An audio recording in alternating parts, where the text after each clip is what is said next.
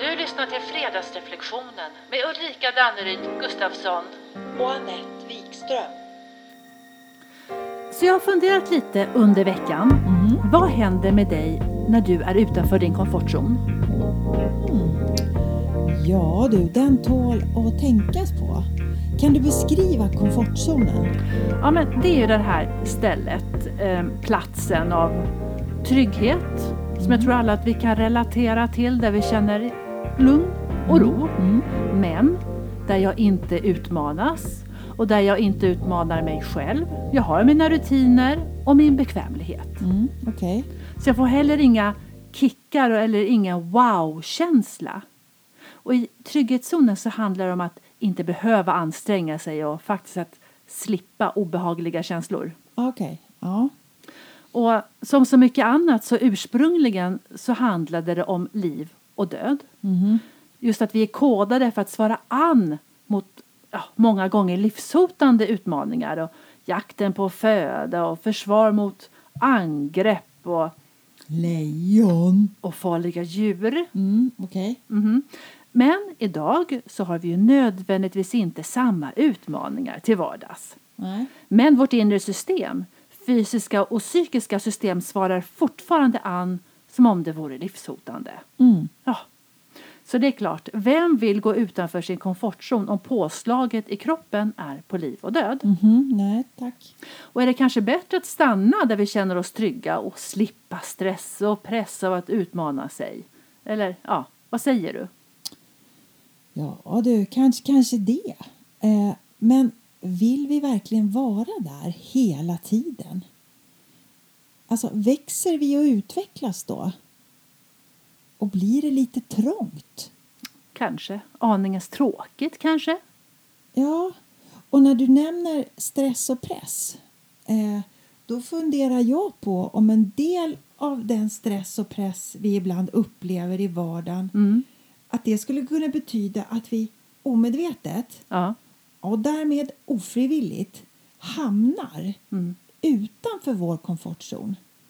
Att det gamla överlevnadssystemet har aktiverats, alltså triggats Mm. utan att vi är medvetna om det.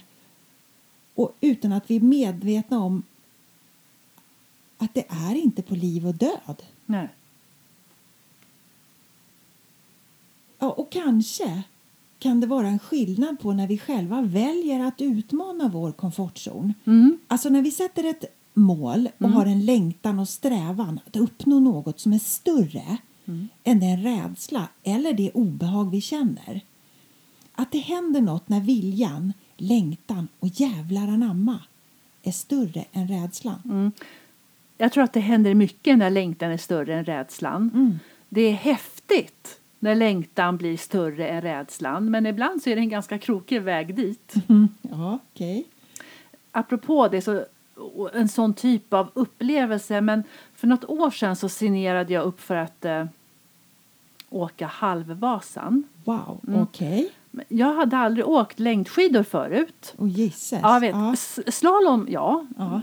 Längd, nej. nej, Så jag tänkte, äsch, det kan ju inte vara så farligt. Okej. Åka framåt, eller i mitt fall, hasa framåt. Ja. Allt gott och väl. Jag är i min komfortzon, tänkte jag. Ja, och sen så börjar det ju närma sig och då inser jag ju att jävlar, det finns nedförsbackar. Ja, och då var det någon som sa att du, det är lika roligt uppför som nedför. Men nej, det kan jag säga, det är inte lika roligt nedför, Nej. tro mig. Ja. Ehm, och här någonstans när jag insåg det så slog ju den här sanningen till med hårdkraft. Jag tänkte nu behöver jag göra någonting här. Nu eh, ska jag utmana något som jag inte har någon lust att utmana egentligen för jag är inte så förtjust.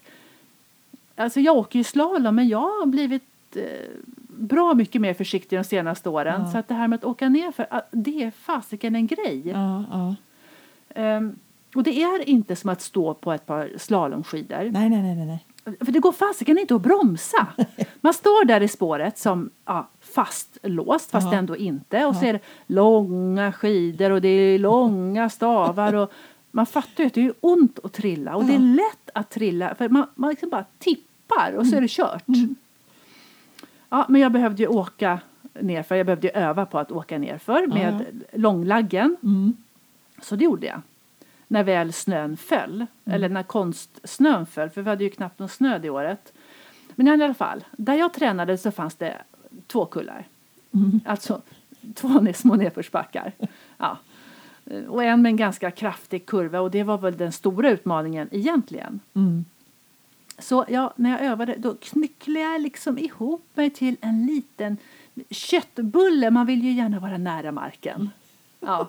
Tänk att det gör inte så ont när jag trillar då. Klokt. Nej. Och så åkte jag så ett par gånger i mina knallgula byxor.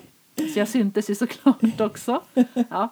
Men så när jag till slut insåg att wow, jag fixar det här. Balans, ja, men det var en magisk känsla. Ja, ja, ja. Alltså vi pratar åka ner för en kulle nu här. Mm. Ja, ja, ja. Eufori. ja. Och jag minns att jag tänkte att det här, den här känslan ska jag aldrig glömma. Nej. Vilken livskraft! Ja. Och återigen, Anette, vi pratar om en kulle. Ja. Vi pratar alltså inte om liv och död, Nej. även om det faktiskt hade sådana inslag, alltså känslor, inslag av att det här var riktigt, riktigt farligt. Ja, ja. Men jag vill också tillägga, och poängen med det här är att när jag väl gjorde loppet Mm. så blev backarna på något sätt en icke, och då var det backar, Ja, då ja, var det ja. inga kullar, men det blev en icke-fråga. ja. Jag tänkte inte ens på det. Jag fick liksom inte ens en belöningskick av att jag hade klarat av det. Nej. Men då kanske du helt enkelt hade vidgat din komfortzon. Backar ingår numera i Ulrikas komfortzon. Grattis! Kan jag skriva det på mitt CV tror du? Självklart! Men, men en reflektion i sammanhanget tycker jag blir, tror du att vi får samma kick, alltså samma belöningspåslag om vi medvetet väljer att gå utanför komfortzonen kontra om vi ofrivilligt liksom hamnar utanför? Är, är upplevelsen densamma, tror du? Ja. Oh, svår fråga. Jag tror, det kan nog variera. Men, men känslan av belöning kanske blir mer när jag medvetet valt att gå utanför min komfortzon. Mm. Och, och kanske för att jag då även medvetet varit, medvetet varit med, med och i mina känslor av All right. rädsla eller obehag, ja vad det nu kan vara. Mm. Och att jag trots det har genomfört det. Och jag tänker att oavsett utfall så har jag ju provat och då har jag ju därmed expanderat min komfortzon. Ja, och så blir det en del av erfarenheten. Ja, Men apropå, jag tänker apropå belöning och, och känslor och expansion. Vi pratade om vilja och medvetenhet och så vidare. Och vad säger du om den här? Nej men Anette, nu är det väl dags att du går utanför din trygghetszon. Eller inser inte du att du måste utmana dig själv? Eller du borde våga lite mer. du, vi pratade lejon tidigare. Och när, när, om någon säger så här till mig, ja då blir jag så provocerad alltså. Det peppar inte mig på något sätt. Och jag inser att det för mig är en skillnad på om det är någon annan som tycker att jag ska Just. utmana mig eller om jag faktiskt väljer och bestämmer mig för att utmana mig. Ja, det är en skillnad. Vad händer med dig om någon säger, säger något sånt här till dig? Ja, alltså med just de där orden då skulle jag nog känna samma sak, helt klart. Men eh, om det handlar om lite nudging, alltså om någon vill ge mig en kärleksfull knuff i rätt riktning, då skulle det kanske kunna landa bra. Men om jag uppfattar det som en uppmaning utifrån den andra personens tycke och tänke och eller, Eller ja, förutfattad mening eller en underliggande förväntan? exakt, eh, då, då blir det fel. För det måste komma inifrån mig själv. Mm, mm. Ja, helt klart. Ja. Och, och, ja. och jag tänker även när det kommer både inifrån och medvetet från mig själv. Mm. Jag bara säger, då kan det hända grejer. Jajamän. Alltså du hade en upplevelse med din utförsåkning på platten. Ja, jag har en annan, apropå torr i mun och fysiska påslag. Ja, Eh, jag tänker på min allra första föreläsning. okej. Alltså om du bara visste, jag hade med entusiasm antagit utmaningen. Jag hade förberett mig till tänderna och jag var redo att gå utanför min komfortzon. Ja, jag är Mm. med. Okej, nåväl, på plats. Alla har satt sig i salen. och jag ska börja, då kan jag inte prata. Det, jag kunde inte få fram ett endaste ord. Munnen var helt torrlagd. Jag minns att jag tänkte, jaha, nu förstår jag i alla fall hur det här är. Vad gjorde du?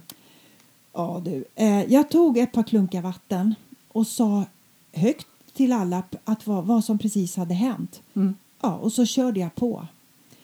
Eh, och jag genomförde det och ja, det gick Starkt. bra ända in i mål. Men efteråt, då pendlade känslorna mellan det du pratade om förut, eufori, jag hade gjort det, jag vill göra det igen. Mm. Och samtidigt också, det här kunde jag ha gjort bättre. Och torr i truten! Ta dig truten. Ja, torr i truten blev jag också. Aldrig mer. Men det som har stannat kvar i mig, det är att jag gjorde det. Jajamän. Och jag växte på kuppen. Ja. Och har dessutom en egen erfarenhet av vad det innebär att bli totalt och kapitalt torrlagd i munnen. Så du, vad, skulle, vad är vitsen med att utsätta oss för att gå utanför vår komfortzon då? Ja, uppenbarligen händer det en hel del saker med oss. Men för att relatera till din historia. Mm. Jag tycker det var härligt att du säger att du hade kunnat göra det bättre. Ja, Mm. men bara där är det en seger. Därför att tidigare så handlade det om att du inte hade velat göra det alls. Nu börjar du kunna tänka, mm, vill Sant. göra det igen, kan göra det bättre. Ah, ja. Växla upp, tagga till. Mm. Bra där. Ja, Okej. grattis! ah, då har jag också något för mitt CV. Jajamän! Det är Kaxunk. bara att skriva dit, vet du. Men, så det är klart att ju oftare vi går utanför komfortzonen desto mer utvidgar vi den eh, och då blir det också inte lika läskigt, det blir en del av erfarenheten och det blir på något sätt Ah, Livet blir lättare, vågar man säga så? Nej, så kan man inte säga. Men det Nej. blir i alla fall berikar. Ja, och kanske inte så, så farligt. Jag tänker att, och att för att misslyckas. Just det, i, i, precis. Det, det är ju egentligen ingenting annat än en ny erfarenhet.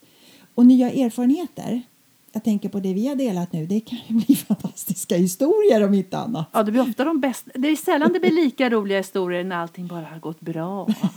Det är sant. Ja.